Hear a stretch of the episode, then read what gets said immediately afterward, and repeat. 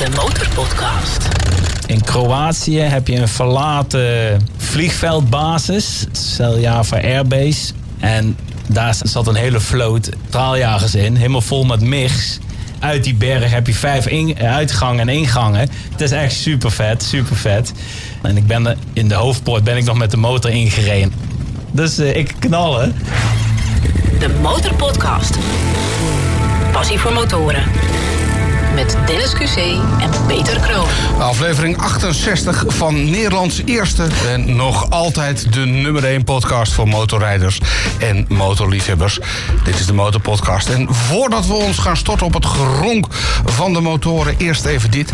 Vlak na de opname van de vorige aflevering kwam ons ter oren dat de vrouw van de gast in die bewuste aflevering, dat was Koos van der Spek, zijn vrouw is vrij plotseling overleden. Dus Koos, via deze weg willen we even heel veel sterkte toewensen namens alle mensen die betrokken zijn bij de Motorpodcast. Ja, een bijzondere aflevering eh, was dat. En dus zeker hoe hij praatte over eh Jannie. Ze hebben veel gedaan op de motor, veel Bijzondere gezien, veel gereisd. Ja. ja. En eh, sterkte. Ja.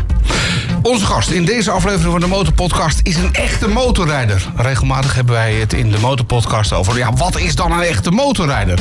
Wanneer mag je jezelf een echte biker noemen? Is dat als je alleen op een zonnige zondagmiddag even een rondje rond de kerk rijdt? Of moet je dan eigenlijk elke dag op de motor zitten? En ook bij het rottige weer wat we op dit moment hebben in Nederland, nu we dit aan het opnemen zijn. Onze gast rijdt echt altijd op de motor. En doet dat zelfs met vijf kinderen. Want hij heeft geen eh, autorijbewijs. Dus hij moet echt alles op de motor doen. Benieuwd hoe hij dat doet op een motor dan. Ja, zometeen alle details hier in de Motorpodcast. De Motorpodcast. Voordat we uitgebreid in gesprek gaan met onze gast, eerst eventjes tijd voor een motorbeurs-update in de Motorpodcast. Want Motorbeurs Utrecht komt er weer aan van donderdag 23 februari tot zondag 26 februari in Jaarbeurs Utrecht. En de Motorpodcast is daar prominent aanwezig, want we staan met ons glazen huis in hal nummer 9. Daar gaan we live podcasting doen. We gaan in gesprek met allerlei gasten, standhouders. Eh, nou, misschien gaan we ook wel in gesprek met jou, tenminste, als je bereid bent om je motorpassie met ons te delen. En ook als je de hele dag over de beurs hebt lopen slenteren en denkt van nou, ik wil gewoon even lekker bijkomen, dan ga je even bij ons op het bankstel zitten of op een van de barkrukken die toevallig in ons glazen huis staan. En dan luister je eventjes naar de motorpassie, de motorverhalen van andere motorrijders. Dus bij deze ben je vast van harte uitgenodigd om naar de Motorbeurs Utrecht te komen. Van 23 tot en met 26 februari in Jaarbeurs Utrecht. En Motorbeurs Utrecht heeft dit keer een aantal thema's, waaronder Explore. Gaat natuurlijk over motorvakanties. Build Your Own. Dat gaat over het customizen van je motor. En zeker niet onbelangrijk, dat is Performance, het ouderwetse gas geven.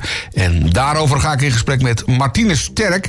Zij is nauw betrokken bij de organisatie van Motorbeurs Utrecht. Martine, welkom in de Motorpodcast. Ja, dankjewel. Jij rijdt natuurlijk zelf ook. En dan is meteen de vraag... Waar rij je op? nou, op dit moment is dat niet zo heel spannend. Ik heb namelijk een, eh, een opgevoerde brommer. Een Honda MSX 125. eh, om gewoon een beetje lekker in de buurt op de dijkjes. eh. Dat is ook een motor. Ja, het is wel een motor, maar ja, ik ben van origine een supersportmeisje. Oké, een supersportmeisje. Dus iemand die houdt van nou, toch lekker doorrijden. Is dat ook de reden dat jij performance onder je hoede hebt genomen? De hal waar performance activiteiten georganiseerd worden? Nou, ik ben in principe betrokken bij, eh, bij alle thema's. eh, maar dit is wel het thema waar, eh, waar van origine mijn hart ligt. En het is niet dat ik zelf heel stoer, dapper of snel kan rijden. Maar ik ben wel een groot liefhebber van de wegrace. Ja. Dus van motorsport. En ik ben een enorme liefhebber van supersportmotoren. En hoe gaat dat eruit zien tijdens Motorbeurs Utrecht? Nou, we werken daar samen met eh, ja, de kathedraal van de motorsport, hè, zoals die genoemd wordt, het TT circuit Assen. En we gaan daar een eh, gedeelte van de hal helemaal inrichten met allemaal thema's die geleerd zijn aan motorsport. Daar is ook een podium waar heel veel op te doen is. Je kan denken aan eh, bijvoorbeeld een teampresentatie van eh, RW Racing GP. Hè, met eh, natuurlijk Zonte van der Golberg en Barry Baltus. Ook in 2023 weer. Bo Bensnijder zal er zijn, Colin Veijer. Tenkate Racing. En we hebben hen bereid gevonden om alle hun kampioensfietsen op de beurs te zetten. Zo. En ze zijn natuurlijk twaalf keer wereldkampioen geweest in Superbike en Supersport. En daar staan natuurlijk exposanten bij die producten aanbieden. Dus dan kan je denken aan circuittrainingen of die staat ook nog op mijn bucketlijst. Ooit een keer naar het Isle of Man. naar Ja. de TT van het Isle of Man. Dat is een mooie, inderdaad. Dus daar staat een reispartij eh, die speciaal georganiseerde reizen daar naartoe aanbiedt. Dus allerlei eh, van dat soort dingen. En ook een, eh, voordat ik het vergeet, ook nog wel heel belangrijk, een e-sports. Wat gaat daar allemaal gebeuren? Dat is digitaal racen. Dus tegen elkaar op allerlei circuits ter wereld. Maar allemaal virtueel. Hè? Dus eh, met een scherm voor je. En dan kan je ook eh, tegen elkaar. Dus live terwijl je naast elkaar zit, kan je op het scherm eh, tegen elkaar racen. Daar komt een hele grote truc van SX. Zij zijn in de autosport ook heel bekend met eh, de Le Mans Virtual Series. En zij gaan allemaal race simulatoren plaatsen voor motorracen. En dat eh, kunnen de bezoekers natuurlijk allemaal zelf doen. Ja. En eh, we gaan ook nog vragen of de coureurs die aanwezig zijn... ja, Het het, lef voordoen. hebben om het, het lef hebben om het tegen de bezoekers op te nemen. En wie weet. Ja, ja, ja. ja. En, en dat voelt bijna echt, hè? Ik bedoel, als je in zo'n simulator zit, dat gaat echt... je wordt echt door elkaar geschud ook. Ja, nou, er zijn verschillende soorten simulatoren. Je kan, eh, zoals iedereen het ook thuis doet, hè, gewoon met de console in je hand als je op de bank zit. Maar er zijn inderdaad ook race simulatoren waarbij je echt op een motor zit en die helpt naar links en naar rechts. En op het moment dat je remt, ja, dan voel je hem echt, eh, dat je je polsen op de klippels, dat je denkt, oeh. Ja, heftig. En dan duikt hij ook echt in zijn vering. Dus dat, dat, is, dat is wel echt, Dat is allemaal aanwezig in de Performance Hal. En welke hal gaat dat worden? Ja, dat is hal 8. Hal 8 bij eh, Motorbeurs Utrecht. Nou, het lijkt me wel spectaculair om dat eens even uit te proberen, hoor. Dat, eh, Je bent van harte uitgenodigd, dat weet je. ja. Martine, dan is er nog een speciale actie. Eh, Hoe zit dat precies als je net je rijbewijs hebt? Of, nou, leg het even uit. Nou, wij heten natuurlijk iedereen van harte welkom bij de hele grote motorfamilie die Nederland rijk is.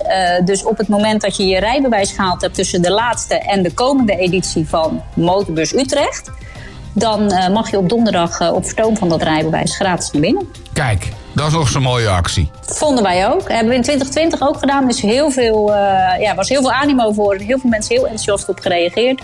Dus eh, alle kerstverse rijders van harte welkom. Maar ik heb begrepen dat afgelopen jaar er echt bijna een record hoeveelheid examens afgenomen is. Dus er zijn een hoop nieuwe rijders bijgekomen. Ik hoop dat ze allemaal komen. Zullen we eventjes de details op een rijtje zetten? Waar halen we kaarten voor Motorbeurs Utrecht? Dat gaat het makkelijkste online. motorbusurtrecht.nl slash tickets. Als je het voor beurs online doet, heb je een eh, voordeliger tarief dan tijdens beurs of aan de kassa. Kijk. Dus eh, je kan het beter vooraf online bestellen. Dat is goed om te weten. Van 23 tot en met 26 februari Motorbeurs Utrecht in Jaarbeurs Utrecht. En er is een speciale winactie. Hè? Daar moeten we het ook nog even over hebben. Want als je je motor koopt, als je van plan bent om een motor te kopen... en je doet dat tijdens Motorbeurs Utrecht... ja, leg het even uit. Wat, ehm, wat kan er dan gebeuren, Martine? Dan eh, maak je kans om je aankoopbedrag terug te winnen. Kijk, Als je inderdaad bij een van de aanwezige dealers je motor koopt tijdens het evenement, eh, kan je dat aangeven. eh moet je een formuliertje voor invullen en trekken we daar een, een winnaar uit. Dus het loont zeker om je motor op motorbeurs aan te schaffen. Omdat de actie echt alleen maar geldt voor de motoren die daar die vier dagen verkocht zijn. Kijk. Dus een relatief hoge winkans. Beter dan bij de staatsloterij. Ja, nee, dat, eh, dat, dat, dat, dat klinkt goed. Nou, 23 tot en met 26 februari dus. Jaarbeurs Utrecht, Motorbeurs Utrecht. Martine, ik kijk er nu al naar uit. Ja, na twee jaar afwezigheid eh, heb ik enorm veel zin om iedereen weer te zien. De vibe, de gezelligheid. Dus eh, Het motorfeestje dat je niet mag missen. Martine, Precies. dank, dank je wel voor je uitleg. graag gedaan. De Motorpodcast. Achter het vizier van... Maurice Pietersson. Maurice, welkom. Welkom in onze studio. Dankjewel voor eh, dat ik mag komen, mannen. Ja, we kregen van jou een enthousiaste mail van... ik ben nou een motorrijder in hart en nieren... en het lijkt mij leuk om eens... ik- Ik kan niet anders dan kletsen over motorrijden. Het lijkt me leuk om een keer langs te komen. Ja, zeker. Ah, bij deze. En dan denken we natuurlijk, die moeten we achter de microfoon hebben. Ja. Top. Want ja, je hebt inderdaad geen autorijbewijs. Nee, dat Hoe klopt. kan dat nou? Ja, ik heb wel tien lessen gevolgd. Ergens in eh 1989 zo. Ja, ik voelde me een beetje opgesloten in de auto. En eh, ja, toen ben ik eh, gestopt met die lessen. En ben ik gewoon motor gaan rijden. Eerst motorlessen volgen en direct geslaagd. En ja, misschien achteraf niet heel praktisch met vijf kinderen om geen autorijbewijs te hebben. Maar ik heb me gered eh, al die jaren. Ja, want, want hoe doe je dat? Hoe vervoer je die met z'n vijf op de motor? Ja, nee, dat gaat niet lukken. Ik heb wel, wel eens van de zijspan gedroomd. Maar die dingen zijn zo duur. eh, dat mijn vrouw zegt, nou, eh daar, kan, daar kan ik een hele dikke auto voor kopen. Dus mijn vrouw die rijdt gewoon een auto. Oh. En op die manier kunnen we ons verplaatsen. En ik, rij, eh, of ik reis ook graag met de trein. Tenminste, vooral toen ze klein waren, waren ze in de trein beter te doen dan in de auto. Want je was nog niet de straat uit of zijn we er al. En in de trein konden ze een beetje lopen, spelletjes doen. Dus dat was altijd wel eh, relaxed en goed te doen.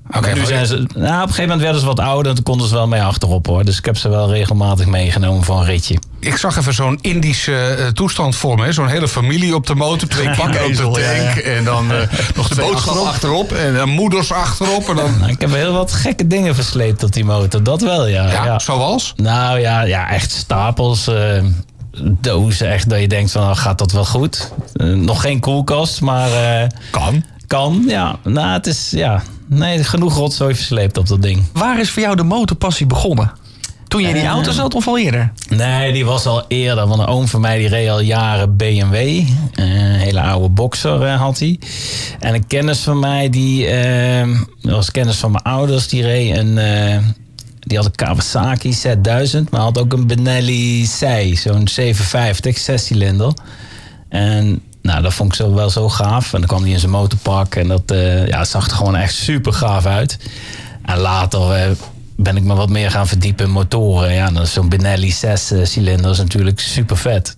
En nou beginnen wij iedere aflevering eigenlijk eh, met de vraag... Waar rij je op? Ja, ik, ik, heb, eh, nou, ik ben nu met mijn werkpaard.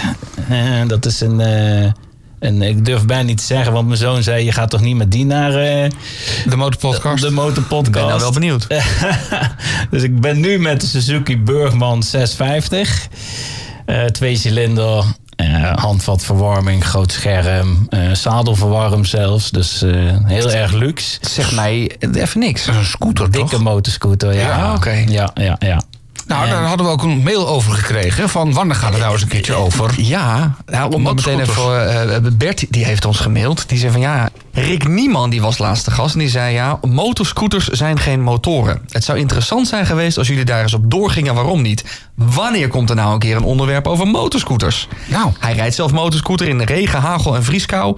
Met gewoon zijn zomerhandschoenen aan. Zo gek zijn motorscooters nog niet. Groetjes Bert.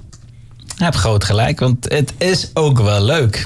En nou ja, ik ben blij dat ik, moet ik ook eerlijk zeggen, dat ik ook wat eh, schakelmotoren heb. Want als je daarop springt, dan is het, eh, dan is het helemaal gaaf. Maar gewoon, ja, ik begrijp die eh motorscooterrijders wel. Het is, ja, het is praktisch. Je zit redelijk vrij uit de wind, wendbaar. Ik werk ook veel in een stad. Je kan hem overal kwijt. Je hoeft niet te schakelen, het is gas geven, remmen. Er zit, bij mij zit dan ook nog eh, tiptoetsen. Dus ik kan hem ook nog op handmatig schakelen zetten. Kan je lekker tikken. Er zit een powerknop op. Als je die indrukt, dan eh, eh, klimt hij wat harder in de toeren. Dus daar zitten wel wat leuke dingetjes in. Maar ik zou niet alleen... Persoonlijk zou ik niet alleen een motorscooter in de garage willen hebben. Dus ik wil ook wel af en toe wat, wat sneller De spullen. power. eh, En, ja. Maar volgens mij hebben wij ook nooit gezegd dat wij motorscooterrijders geen, echte- nee. geen echte motorrijders vinden. Nee, nee dat, eh, daar kom ik, eh, dat zal ik ook nooit zeggen. En ik geloof zelfs dat bijvoorbeeld Yamaha heeft die, die T-Max. Ja, dat is een vrede ding hoor. En Dat daar schijn je enorm goed en hard mee te kunnen sturen. Dus misschien als ik deze Burgman een beetje zat ben... dat ik nog eh, zo'n T-Max een keer eh, op de kop tik. Heb je dan wel eens dat je niet wordt begroet op de motor? Omdat mensen Ja, denken van dat ja, is echt ja, een scooter. Ja, ja, ja, dat, gebeurt, ja. ja, ja En wat Dat- denk je dan? Vaak eh, steek ik mijn hand al op tijd op. En dan vaak uit beleefdheid steken ze hem ook op hoor. Ja. Maar het begint wat te vervagen. Dus mensen denken ook van oké, hij rijdt toch twee wielen. Er zit een motor onder. Ik denk dat het langzaamaan wel eh, geaccepteerd gaat worden. Ja. Er kan gewoon een krat bier in, toch? Tenminste, dat heb ik een keer gehoord van... Een eh, paar flessen whisky, dat is allemaal geen probleem. Ja, en eh, een collega van mij die rijdt op een eh, Vespa motorscooter. Ah, ja. En die vallen helemaal niet op als zijnde motoren. Behalve als je de achterkant ziet. En als je daarmee even illegaal over een fietspaadje fietst... dan valt het ook niet zo op bij de gemiddelde eh, even een medeweggebruiker. de weg afsnijden. Ja, van de weg afscheiden waar je met een motor officieel niet op mag. Maar met een motorscootertje, to- scooter, sco- sorry, motorscooter, Eh, Dat zijn de praktische voordelen. Ja, toch? Ja, ja, maar dat ja. doe ik met die dikke Burgman ook hoor. Dat pak ik soms ook als het muur vast zit. Ik werk in Den Haag. Dan pak ik ook wel eens een, eh, een fietspadje en eh huppakee. De Motorpodcast. wat staat er dan nog verder in je garage? Ik heb een eh, Suzuki G6R uit 1986. Die heb ik al een jaartje of 12. Beschrijf hem even. slide voor de, voor de insiders. Ja, dat is eigenlijk... In 1985 kwam Suzuki met een eh, racemotor... die geplukt leek van het circuit. Oké. Super licht, want de gemiddelde eh, VFR toen 750 en de FZ 750 wogen 205 kilo. Deze kwam met 180 kilo op de markt. Was olie gekoeld, dus daar pakten ze veel winst mee. Het frame was helemaal van aluminium. Kilootje of 8. Bleek achteraf een beetje te licht te zijn voor het vermogen. Dus hij kan op hoge snelheid een beetje zwabberen. Maar het is gewoon, ja, eigenlijk eh, is het, ja, het is gewoon een racer die wat koplampen opgezet is en eh, voor de weg gebruikt. En ja, mensen vonden dat toen super vet, pakten het op en ja, het ding werd goed verkocht. En ook flinke, ja, toch aardige successen geboekt in de Boldor 24 uur racen. Dus die machine was gewoon direct klaar voor het circuit. En ja, ik ging in 86 voor het eerst naar de RAI motorbeurs. En toen stond daar, ehm, ja, die stond die Suzuki heel mooi uitgestald in de racekleuren, blauw-wit. En dat is me altijd bijgebleven. En ik heb altijd gezegd van, nou ja, als ik, eh, ik hou van racemotoren en die wil ik sowieso hebben. En eh, nou ja, dit, is al het tweede, tweede eh, modelletje wat ik heb van uit 86. Die eerste had ik een beetje opgereden. En ja, deze gaat eigenlijk niet meer weg. Die is gewoon eh, super gaaf. Ben je zelf handig met onderhoud? Want als hij uit 86 komt, dan heeft hij wel het Nee. nodige nodig, denk ik, of ja, niet? nou ja, onder, ik, ik ga geen blok uit elkaar trekken. Nee. Maar ketting en blokjes en de, de gemiddelde beurt. eh, Dat die je die doe ik allemaal zelf. En, maar als er echt een storing is en nou ja, moet afkloppen. Ik heb eigenlijk nog helemaal geen probleem met dat ding gehad. Dus eh, die doet het goed. We hebben de GSX-R 750. We hebben dan die Burgman. Ja, en dan heb ik nog een Sealy. Een? Een Sealy. Beschrijf hem. Ja, Sealy, dat is, dat is ook wel een mooi verhaal. Daar zit een eh, Honda CB750 blok in. Honda kwam in 1969 met een eh, viercilinder op de markt. Sloeg ook in als een bom. Een machine die hard kon, geen olie lekte, niet stuk ging. Iedereen of veel mensen reden eh Italia of eh, Engelse motoren. Die lekten, die rammelden. Konden ook niet zo heel lang op hoge toeren knallen. Maar die Honda wel. Alleen was één nadeeltje, het frame was een beetje slap. Dus ja, die rijkwaliteiten waren niet denderend. En Sealy is, eh, was een ja, monteur. Hij racete ook, deed veel zijspan races. En die sleutelde ook voor die Engelse merken. Maar die gingen failliet. En toen had Sealy eigenlijk niet zo heel veel te doen. Dus die belde Honda op. Die zegt, ja, ik wil eigenlijk eh, 300 eh, Honda blokken. En daar wil ik gewoon een frame omheen bouwen. En die wil ik los verkopen. Nou ja, die Honda die zag dat wel zitten. Alleen, nou ja, je moest de hele motor kopen. En eh, toen heeft Sealy in tussen 75 en 78 iets van 302 Sealy's gebouwd. Eh, heeft hij zo'n frame heeft hij in elkaar gelast. 513 frame heet dat geloof ik. Dus speciale legering is dat. Aluminium tank zit erop. Die heeft hij met de hand geklopt. En voor de rest kon je hem een beetje naar eigen smaak eh, bestellen. Dus eh, in de grote lijnen is hij wel hetzelfde. Ik, ik rij hem eigenlijk helemaal kaal. Er zit ook nog een kuipje bij. Die heb ik ook nog liggen. Ehm, en dat ding dat stuurde fantastisch. Dat is echt messcherp. Dus je had in die tijd het allerbeste blok. Met het allerbeste frame wat je kon bedenken. Ja, fantastische machine. Dat hoor je niet vaak. eh. Nee, dat was echt. Er zijn er 300 van gebouwd. Ja. En er is een register. En er staan er een stuk of 100 op. Want het zijn allemaal genummerd. Ja. Dus je kan ook niet zomaar zeggen, ja, ik heb een Sealy. Maar dat, dat moet je wel kunnen, hè? dat kan je dan bewijzen. En op, die, op dat register staan er een stuk of 100. En ze zitten overal hoor. Eh, ik heb wel eens mensen gesproken in eh, Zuid-Afrika, Amerika, Duitsland. Ze rijden er ook een paar, België. Ik ben er een keer naar Normandië geweest. Dat was wel grappig. Toen eh, zat ik ergens in België te tanken. En van veraf kwam al een Belg op me aflopen. En die, die zat maar te roepen: dat is geen echte, dat is geen echte, dat is geen echte. Toen ging hij onder mijn motorblok eh, ging die kijken, onder de tank. En oh, dat is een echte, zei hij. Want daar zit het bewijsmateriaal, Ja, het daar zit dan het plaatje Ja, ja, ja. op met het nummer. En eh, nou, die was, nou, toen ging hij helemaal los. Ja. Kijk, en je hebt nog meer framebouwers. Bijvoorbeeld Bimota, dat zullen jullie denk ik wel iets zeggen. Zo'n Italiaanse framebouwer, een paar jaar geleden failliet gegaan. En nu de, komen ze weer. Maar je had in die tijd had je ook Rickman, eh, Spondon. Dus allemaal jongetjes die, die met kleine bedrijfjes... eh, motor, ja, die, die, die Japanse fietsen, blokken waren gewoon heel goed. Alleen, ja, die frames waren toen niet zo best. En daar zagen hun een gat in de markt van. Ja, slim. Is, is dit dan een in de categorie die gaat nooit meer weg? Nou ja, eh, mijn eh, middelste zoon, eh, die zeg maar, als je, die, jij hebt ooit gezegd, als je 65 bent, dan moet hij weg. Nou ja, daar kan Waarom? ik me- Naar hem- naar hem waarschijnlijk naar dan. ja, Ja, ja, ja. Daar kan ik me niks van herinneren, maar hij blijft het maar zeggen. Dus op een gegeven moment ga ik het wel geloven. Geen actieve herinnering. Geen actieve herinnering. Schijnt af te werken, die uitspraak tegenwoordig. Dus eh, hij gaat niet weg uit de familie, laat ik het zo zeggen. Want ik heb hem ook gekocht van, een, eh, van de oom van mijn vrouw. Ja. We wouden dus op een feestje en toen zei hij, moet je eens raaien wat ik heb gekocht. En hij zei, helemaal hondergek. Ik zei, nou ja, dat weet ik niet. Hij zei, ik heb een Sealy. Ik zeg, oké, als jij die ooit verkoopt, moet je mij bellen. Nou ja, dat deed hij dus. Hij belde mij op een gegeven moment. En is die nou ook heel veel geld waard? Als er maar een paar van zijn, dan...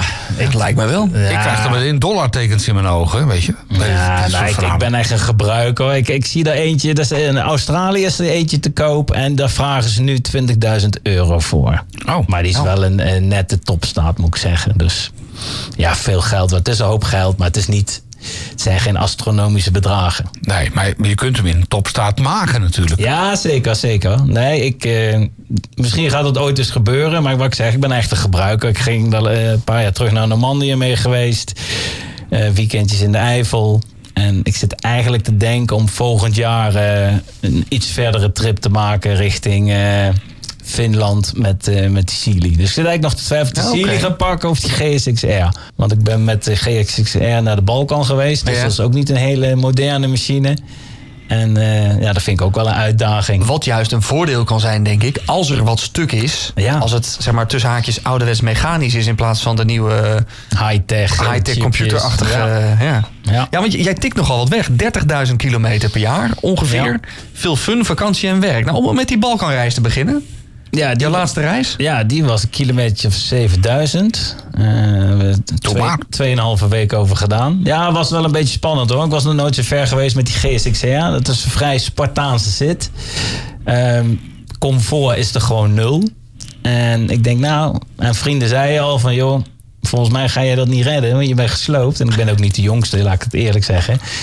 Maar het viel mij reuze mee. We hebben ook dagen met 500 kilometer weggetikt. En eigenlijk alles binnendoor. Dus heel veel stuurwerk. Ehm, ja, af en toe lekker op het gas. Maar dan moest je alweer remmen voor de volgende bocht. Nou, het is eigenlijk mij heel goed meegevallen ook. In je eentje. Nee, met mijn, met mijn oudste Met je oudste ja, zoon. Die rijdt eh, Kawasaki ZX9. Die is helemaal kawa gek. Helemaal, eh, helemaal in het groen. eh, dat vindt hij fantastisch. Dus eh, hij heeft die ZX9 en ik op die oude GSX. Ja. Wil je nog meer horen van onze gasten? Word dan vriend van de Motorpodcast. Kijk op demotorpodcast.nl. Waarom de Balkan? Ja, waarom de Balkan? Eh, nou, mijn zoon had die trip helemaal eh, uitgestippeld. Eh, en hij, eh, eh, hij vindt gamen leuk. Gamet eh, diverse spellen, kaartspellen en zo. En hij heeft wat vriendinnen in Roemenië, waar hij dan ook mee gamet. En over de hele wereld kent die mensen. En hij zegt van, joh, ik wil naar een vriendin in Boekarest. Hij zegt, dan ga ik met die vriendin op stap. En dan ga jij maar lekker een rondje wandelen in de stad of wat dan ook. Ik zei, nou, dat is goed. Dus hij was sowieso van plan om die kant uit te sturen. En ik zeg, joh, ik haak gewoon aan. En als jij met je vriendin op eh, stap gaat, dan val ik jou niet lastig. Ik vermaak me wel. ik vermaak me wel, ja. Dus zodoende. En hij heeft, hij heeft eigenlijk die hele reis uitgestippeld. Allemaal highlights eh, gepakt. Ja, het was, iedere dag was er wel wat te bezoeken of ergens te sturen. Eigenlijk super, eh, super vette dingen meegemaakt. Hoe hoe is het om met je zoon zo'n zo'n trip te ondernemen?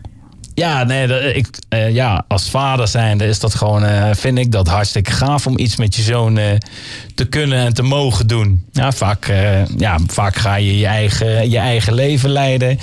Ga je met je eigen vrienden op stap. Dus het is wel gaaf om eh, met je zoon dit eh, nog mee eh, te mogen maken. Gewoon mooie herinneringen maken, die blijven. Dus Welke herinneringen staat je nog? ja, het zijn er meerdere. Maar ik moet zeggen, je hebt in, in Kroatië heb je een verlaten eh, Ehm, vliegveldbasis, Cel Java heet dat. Cel Java Airbase.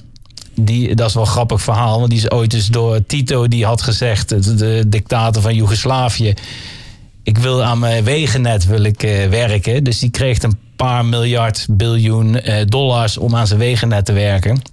Maar met dat geld, hij, geen, hij heeft geen cent in die wegen gestoken. Maar er is daar uh, een hele grote berg, die heeft hij uitgehold. En daar zat, zat een hele vloot straaljagers in, helemaal vol met MIGs. En uh, nou ja, het is een podcast, dus ik kan het niet laten zien. Maar uit die berg heb je vijf in, uitgangen en ingangen. Dan gaat er een stalen deur open en dan komt er zo'n MIG naar buiten. Serieus? Een soort Batcave is het, want ja. loopt ook met een puntje. Een beetje James Bond-achtige toestanden. Ja, het is echt super vet, super vet.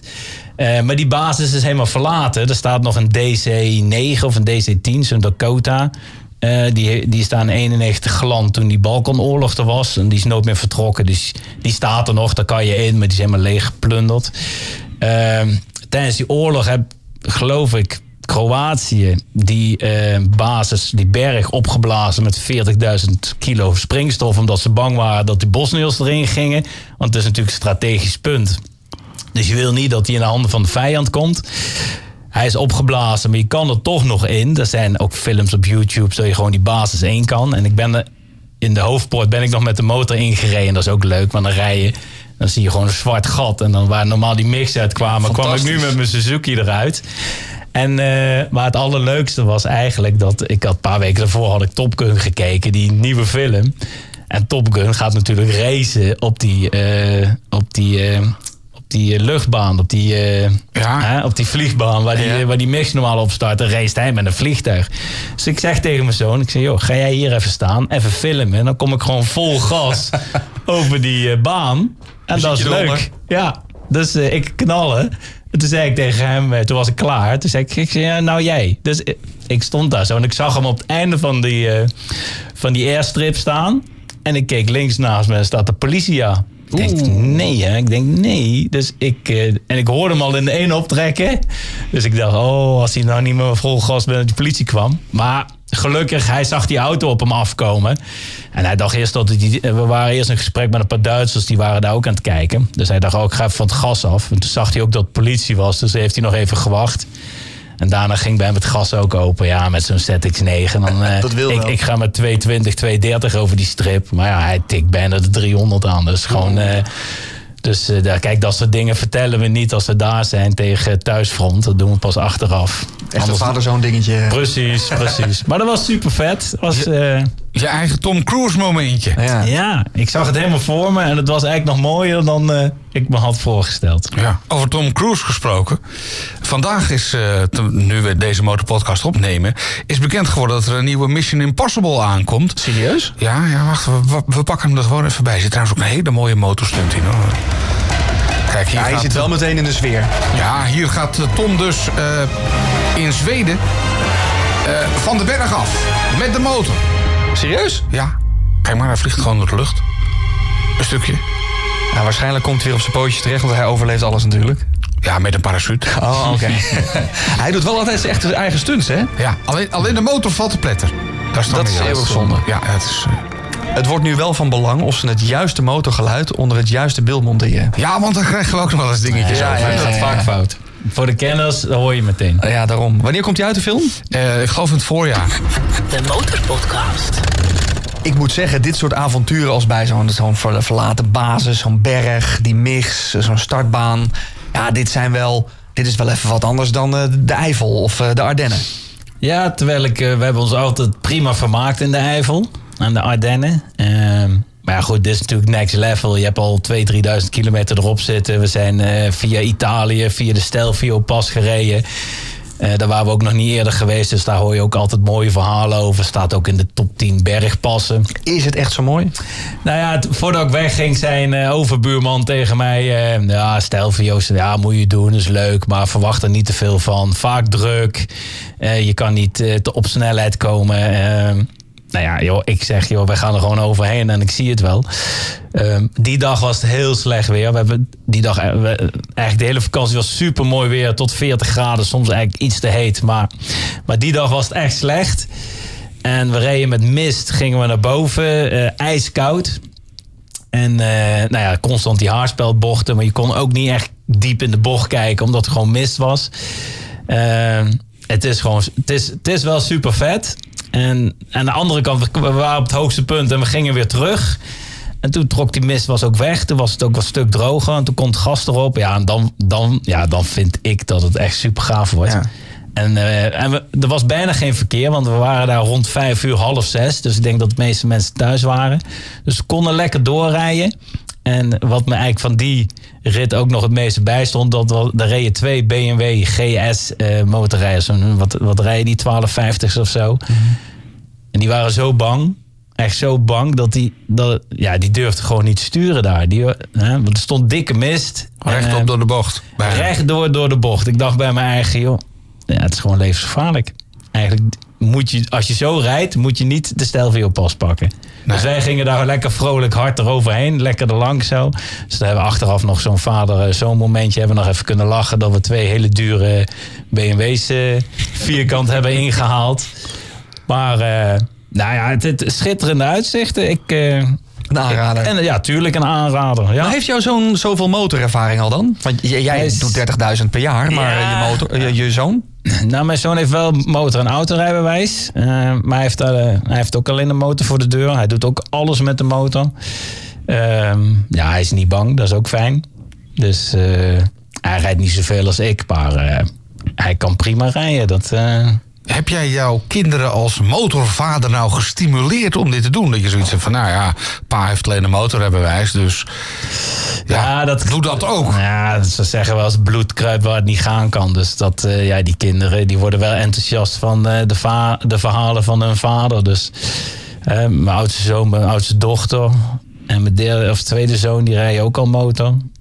De vierde zit er al over na te denken. En de vijfde die denkt ook al van, eh, die is nu 17. Die gaat wel eerst de auto halen en daarna motorrijbewijs.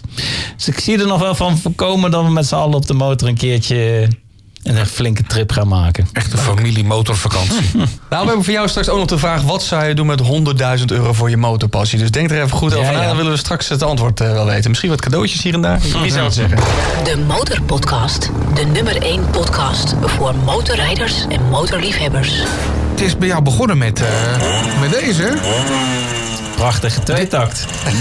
D- dit is mijn exemplaar, die staat hier toevallig achter je. Beginnen Maar twee mensen te glunderen hier. Ja, dat is een hele mooie. En daar heb ik ook nog warme gevoelens voor. Achter je eh, staat eh, de krijtler van, eh, van Peter. In, eh, mooi opgepoetst met eh, ja, knalgeel. Op motorkenteken in dit geval. ja, maar bij jou, bij jou was het een brommer. Ja, ik had de bron, ik was 16. Dus eh, geen poespas. Je kocht toen nog een brommer, je kon meteen wegrijden. Geen rijbewijs, helemaal niks. En eh, ik had een RMC uit 78. Ja, met schijfremmen, sterwielen erin.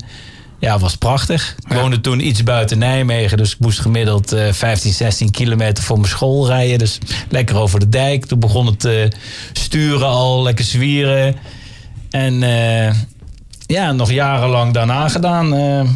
Ik denk dat ik vijf jaar geleden de laatste krijtler helaas heb verkocht. Maar Oh. goed, eh, ja, was een RSje uit 72 ook. Wel een brommetje, driebak. Ja, soms maak je keuzes en eh, niet altijd het slimste. Maar eh, Wij horen wel eens mensen zeggen... never sell, just add. ja, ja, ja. Als je er ruimte voor hebt, financieel en fysiek, dan... eh, Maar dat, hij moest de deur uit. Ja, hij, hij was ook echt op en er moest eigenlijk heel veel geld in. En hij is naar een liefhebbertje gegaan, dus ik heb er ook vrede mee. Buiten die Balkanreis, hè, wat, wat is een ander heel memorabel motormoment voor jou geweest? Ehm, ja, ik, eigenlijk, nou ja, ja, ik ben ook naar in Normandië geweest met die Sealy. Nou, die Sealy komt uit, eh, deze is uit 77. Ja, ik vind het sowieso bijzonder en ook extra gaaf om met oude machines zulke trips te maken. En, eh, En wat is dan het mooie? Het, het risico dat hij kan uitvallen of het ja, nou ja, Spartaanse? daar, daar hoop je niet op. Kijk, je hebt er ook veel bekijks mee. Want toen ik met die Sealy eh, richting Normandië reed... dan stopt er een auto of stopt niet. Op de snelweg, waar een stukje snelweg... er komt er een auto naast me, gaat het raampje omlaag... gaan ze hier lopen filmen, weet Ja, je. Je rijdt gewoon iets wat je niet alledaags ziet. En ehm, ja, ik krijg regelmatig als ik met die GSX hier rijd, dan duimpje omhoog. Van hé, hey, leuk. Omdat ze zien die komt uit 26. Ja, dat is een oudje, die Ja, kennen ja, ja. we niet. Of sommigen kennen hem wel. Maar ik, ik spreek ook wel eens jongens die zeggen... oh ja, wat een mooie oliekoeler. Heb ik ook nog gehad en eh gave dingen. Dus je hebt sneller... ehm, kijk, met een motor heb je sowieso wel aanspraak. Maar met die oudjes merk ik... ehm, dat mensen ook gewoon op je afstappen en een babbeltje maken. En dat maakt het ook nog eens extra leuk, vind ik. Absoluut, ja.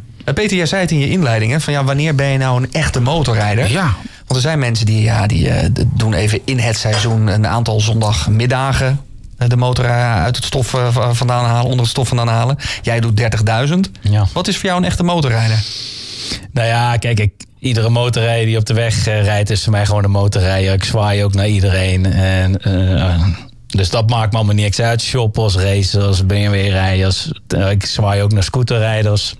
Ja, iedereen heeft daar zijn eigen gevoel bij. Ja, ik zou, eh, ik moet er niet aan denken als ik twee, drie weken niet op de motor eh, zou mogen zitten. Eh, lekker die wind, eh, die power. Als ik een dag heb gewerkt en eh, je bent een beetje vermoeid of je zit de hele dag binnen, dan is er niks mooiers om even aan dat gashandel te draaien. En dan voel ik zo die vermoeidheid van me afwaaien. Dus eh, nee, heerlijk. Ik denk dat elke motorrijder dat wel kan beamen, toch? Zoals wij hier drie aan tafel zitten. Dat, gewoon het motorrijgevoel. Uiteindelijk is iedereen die zich op twee wielen met een, met, met een motor en een motorrijbewijs zich verplaatst, is natuurlijk Is ook een gewoon motorrijder. motorrijder. Ja, Dus vind ik ook. Dus, eh, Je hoeft echt niet eh, dag en nacht door de meest vreselijke dingen heen eh, te rijden. Maar Hoe doe je dat bijvoorbeeld ja, nu? Hè? Want eh, nu we deze motorpodcast opnemen, hadden we na een dag geleden nog code oranje. ja. Ik heb het zelf heel even geprobeerd. Even een klein stukje rijden. Nou, dat ding gleed echt alle kanten op. Ik denk van nou, nu stoppen, want dit gaat hartstikke verkeerd. Advies was ook om binnen te blijven, Peter. Ja, maar ja, ik, ik wilde gewoon, gewoon even kijken, kan ik dit? Dat is een soort eh, Mission Impossible. eh, hè? Ja, met zijwieltjes zou het wel kunnen. Kijk, je, je zag gewoon om je heen dat die auto's eh, er ook enorm veel moeite mee hadden. Ze lagen op de kop in de sloot, ketting, botsingen. Eh, kijk, dan zoek ik het niet op. Weet je, eh, net voordat dat eh, ijzelfront aankwam, was het ook eh, gevoelstemperatuur min 9. Nou ja, eh, ik ben lekker warm gekleed, dan rijd ik gewoon. En dat vind ik gewoon perfect.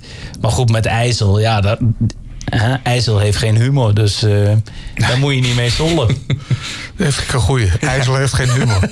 Ja, want je komt goed gekleed binnen. Je hebt een, een wind- en waterdichte broek. Ja, ja, ja, dus eigenlijk eh, het wintertenu. eh, kijk, als ik op die sportieve zit, dan zit ik het liefst eh, in mijn leren overalletje.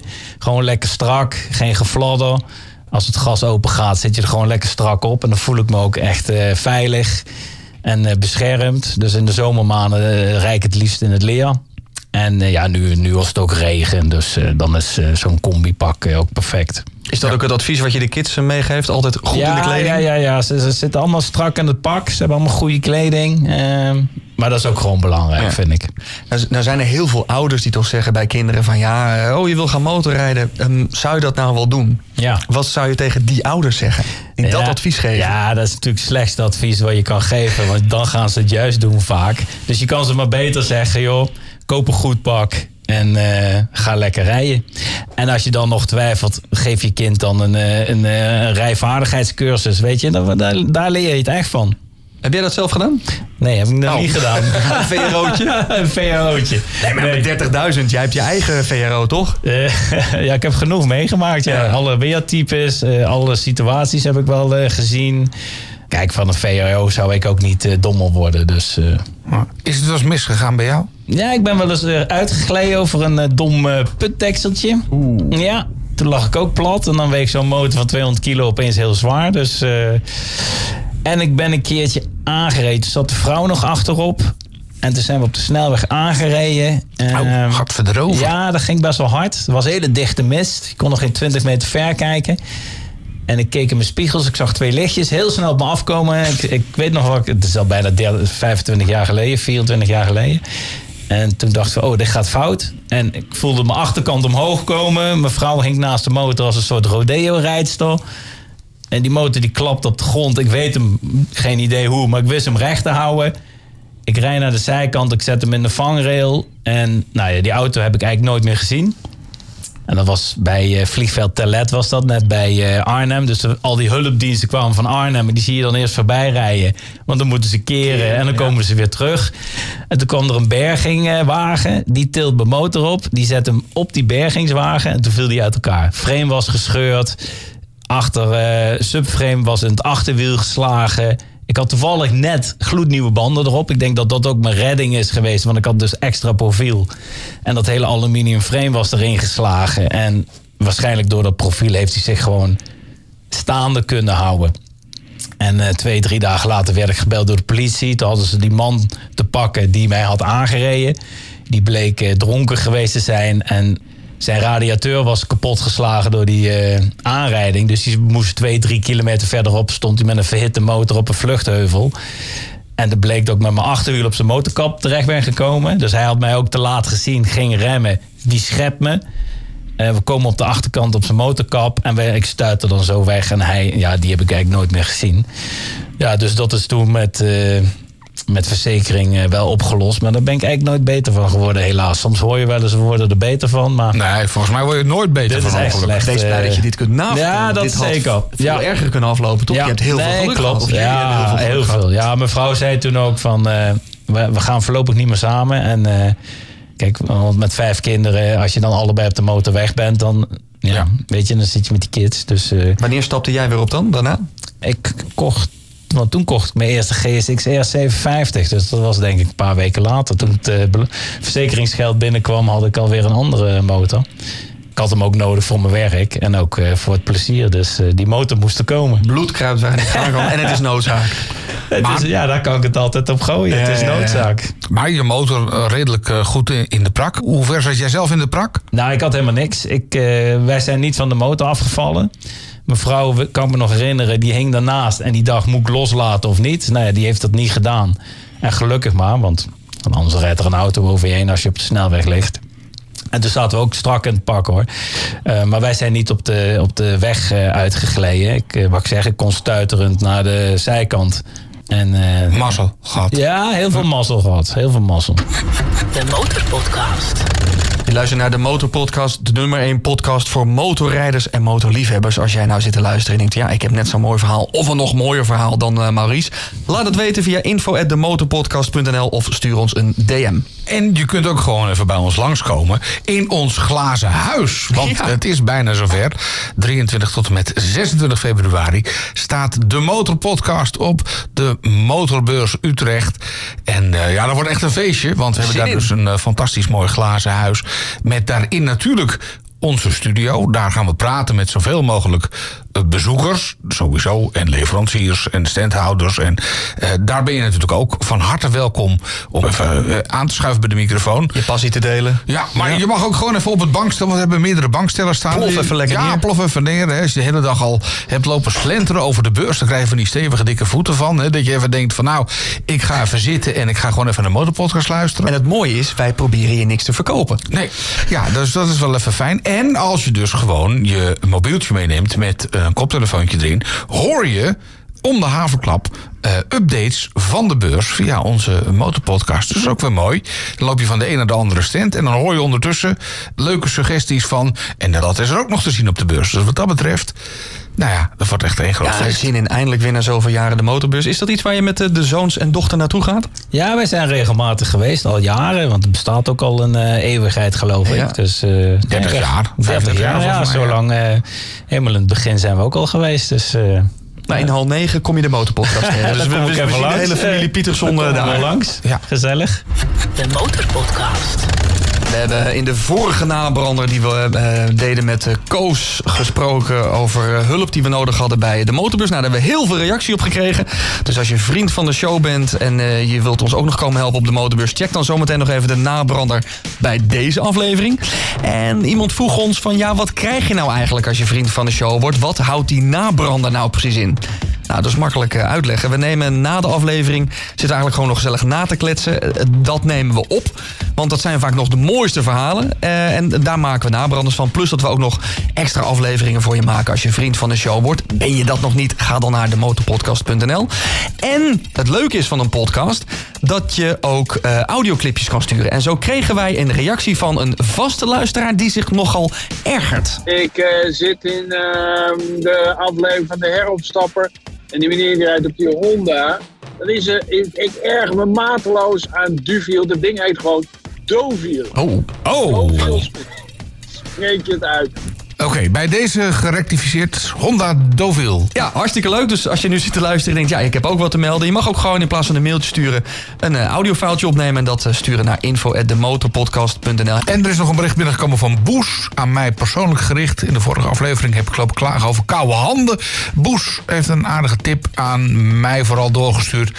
Over verwarmde handschoenen. Boes, dank daarvoor. En we moeten nog nieuwe vrienden van de show bedanken. Nick van Tongeren en Chris Habets. Dank voor het zijn van vriend van de Motorpodcast. De Motorpodcast. Het meest memorabele motormoment. Daar ben ik altijd heel erg benieuwd naar. Uh, iets waarvan je zegt, nou, dat hebben we toen en toen meegemaakt. Ja, kijk, uh, wat nog vers in gedachten zit, zit natuurlijk ook uh, die reis naar die Balkan. Dus dat, ja, die staat nu met stipt op één. Um, en naast Stelvio pas ook door de Transvagarassan gegaan in Roemenië. Wacht. Daar moest ik ook een paar keer op oefenen. De Transvagarassan. Ja. Dat is ook een, uh, een haarspeldbochtenwerk in, uh, in een massief bergketen in Roemenië. Daar kwamen we ook nog een beer tegen. Die liep daar op de weg.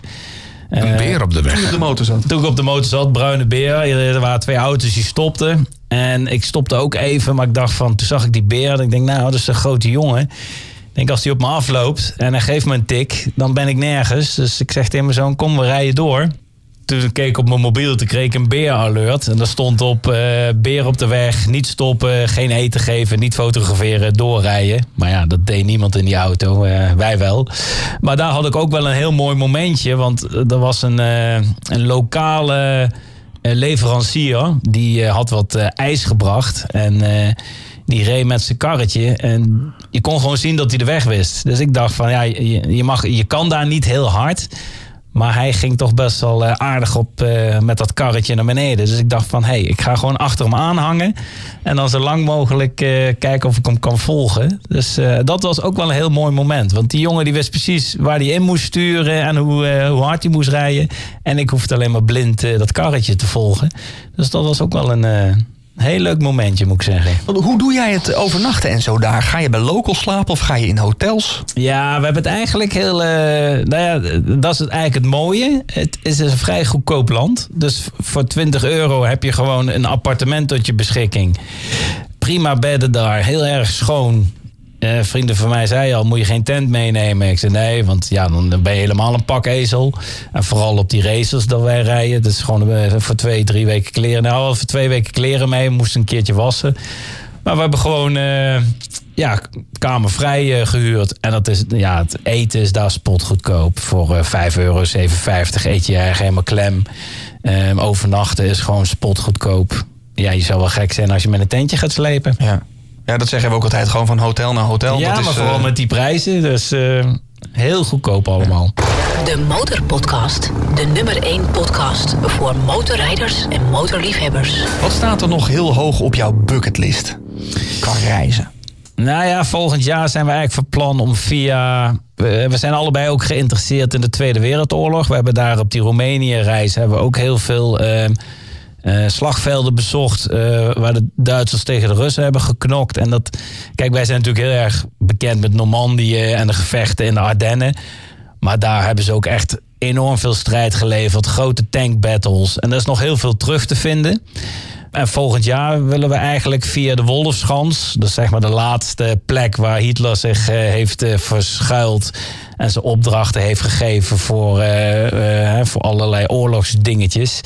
Uh, dat ligt in Polen, willen we gaan bezoeken. En dan via Polen richting uh, Estland, Letland. En dan de oversteek maken naar Finland. En dan via uh, Noorwegen of via Zweden, Noorwegen weer terug. Dat is een beetje het idee. Maar voorlopig willen we nog gewoon heel veel van Europa ontdekken. En ja, dat is genoeg te zien. Nou, want je zoekt het wel in het oosten en een beetje richting het noorden. Ik hoor je niet over Zuid-Europa, de zon opzoeken. Ja, nou ja, goed. Afrika. Uh, ja, ja, ja, nou Afrika met de motor zou ook niet een keer verkeerd zijn. Maar dan zou ik toch een ander type. Dan dan wil ik toch liever het zand in. Dus dan gaan we wel, eh, als we dat doen met een crossmotor. Ja, nou ja, ik, ja, ik ben eigenlijk die kant, Balkan, ehm, was eigenlijk de eerste keer dat we die kant uitgaan, gingen. En dat is me eigenlijk heel goed eh, bevallen. Dus eh, dat is, ja, Spanje, Frankrijk, ja, dat, dat ken ik. eh, ik zal niet zeggen dat ik alles ken, maar met zonvakanties aan het strand liggen en dat soort dingen. Minder spannend. Ja, nee, geef mij maar even die onbekende wegen waar de meeste mensen niet komen. Dat is ook wel eh, bijzonder allemaal. Ja. Nou ja, je zei net al, eh, d- dan moeten er eh, twee crossers komen. Eén voor jou en één voor je zoon. Dus ik ben eigenlijk ook wel benieuwd, wat ga je doen met die 100.000? Zullen we dat gewoon even aan je voorleggen? Ja hoor, dat is... De Motorpodcast. 100.000 euro voor je motorliefde. Wat ga jij ermee doen? Ja, maar Vertel maar. Ja, ik ben eigenlijk eh, ook heel erg groot fan van tweetakten. Ik heb een eh, Honda NSR 400 gehad. Dat is zo'n eh, Freddy Spencer eh, replicaatje uit de jaren 80. Daar is een driecilinder in een eh, L-vorm, wel een heel mooi blokje. Daar hij toen eh, wereldkampioen mee gewonnen, geworden. En ik heb ook KR1 gehad, een Kawasaki. Dus ik vind de tweetakten vind ik super gaaf. Dat gegeel en eh, de geur.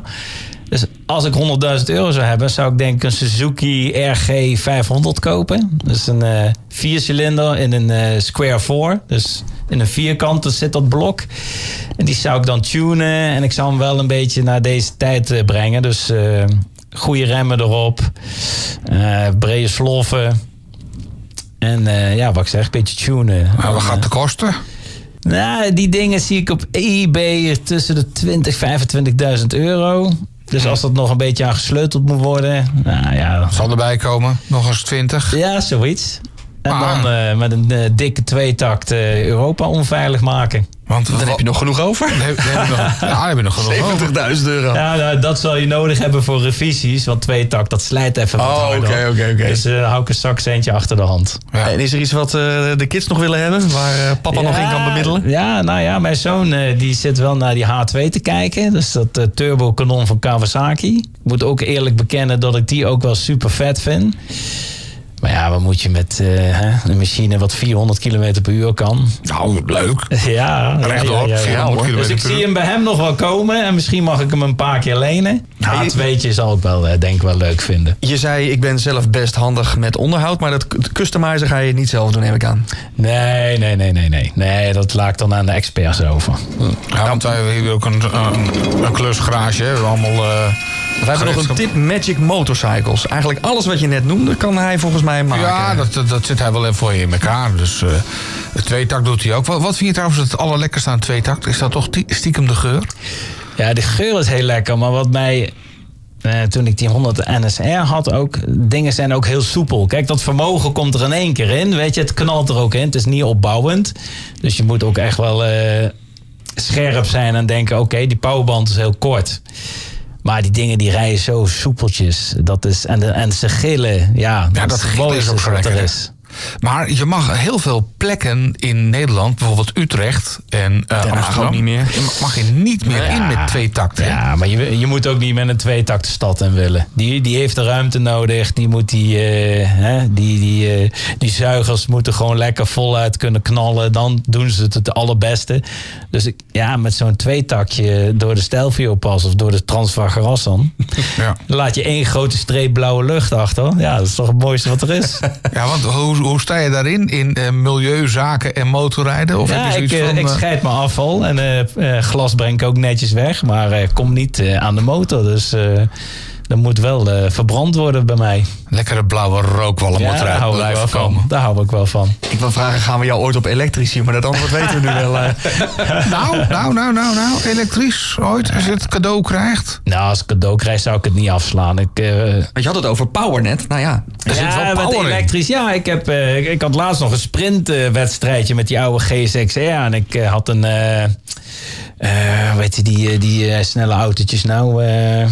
Tesla. die Tesla, die stond naast mij. Nou ja, die- je weet, die accubakken, die kunnen heel hard optrekken. Ja. En eh, wij gingen vol gas weg. Nou, we gingen bijna gelijk op. Dus weet je, dat is niet verkeerd. En eh, dus mijn motor is 36 jaar oud. Maar Ja. er zit echt wel wat power in dat ding. Maar ja, je mist het geluid. Ik vind ook, ik hou van soepel. Maar het mag ook wel leven tussen je benen. En dan met een accu mis je dat eigenlijk allemaal. En, en nu toch met de motorscooter zometeen weer terug naar huis. Ja, die is ook redelijk stil, moet ik eerlijk zeggen hoor. Ja, maar eh, als ik moet zeggen, als ik gas opengooi, het is een tweecilindertje. En eh, ja, dan hoor je hem toch echt wel even aanzuigen. En die benzine eh, door die carburateurs, dat, dat hoor je wel hoor. Dus er zit echt wel wat, er zit wel wat geluid in. moet, Dat is- moet er toch niet een ander uitlaatje onder? Dat hij toch, want je ziet ze hier wel eens door de straat gaan. En ik heb toevallig zo'n Team Max, waar jij het Ja, eh, ja. in het begin van deze podcast over heb ik ooit op Ibiza gehuurd. Nou, daar, daar, daar, daar zat iets onder, dat maakte een partijtje herrie, zeg dat is niet gewoon meer. Ja, nou, ik heb vroeger op, op die oude GSX-R zat een Yoshimura open uitlaat. Ehm, maar ik geloof dat ik ook een beetje ouder begint te worden. En eh, een lange tijd met een open uitlaat rijden, daar word je ook back af van. Dus ik hou wel van geluid. Ja. Maar het moet ook wel, eh, voor mij mag het nu wel een beetje beschaafd zijn. Langere tijd achter een open uitlaat rijden. Daar Nee, word je ook niet blij van. Daar word je ook niet blij Dat heb ik ook eens van. een keer gedaan. Nou, dat, eh, dat moet je altijd dan. inhalen. Moet je altijd inhalen. Maries, ik denk dat we zo meteen met jou nog in nabranden moeten napraten over of je echt helemaal blij bent met jouw motorscooter. Waar een de perfecte motorreis aan moet voldoen, wil ik ook nog wel eventjes weten. Alvast dank voor je komst naar de studio van eh, de Motorpodcast en het delen van je motorpassie. Als dank voor de komst hebben we hier een mooi vizierreinigerpakket van onze gewaardeerde sponsor handigschoonmaken.nl. Eh, blijf vooral zitten dus, want eh, vooral voor vrienden van de show gaan we nog een eh, nabrander opnemen. En wil je die niet missen, word dan vriend van de show via demotorpodcast.nl. Aflevering 68 van de Motorpodcast was dit. De nummer 1 podcast voor motorrijders en motorliefhebbers. Gemaakt door Peter en Dennis vanuit studio Het Kroondomein in Hilversum. En wil je nou zelf een keer te gast zijn? Kom dan naar hal 9 op de Motorbeurs Utrecht. Want daar vind je onze mobiele studio in het Glazen Huis. En dan kun je zelf je motorpassie delen. En vind je dit nou een leuke podcast? Abonneer je dan, want dan krijg je automatisch een seintje bij de volgende aflevering. De Motorpodcast. Gratis in je favoriete podcast app.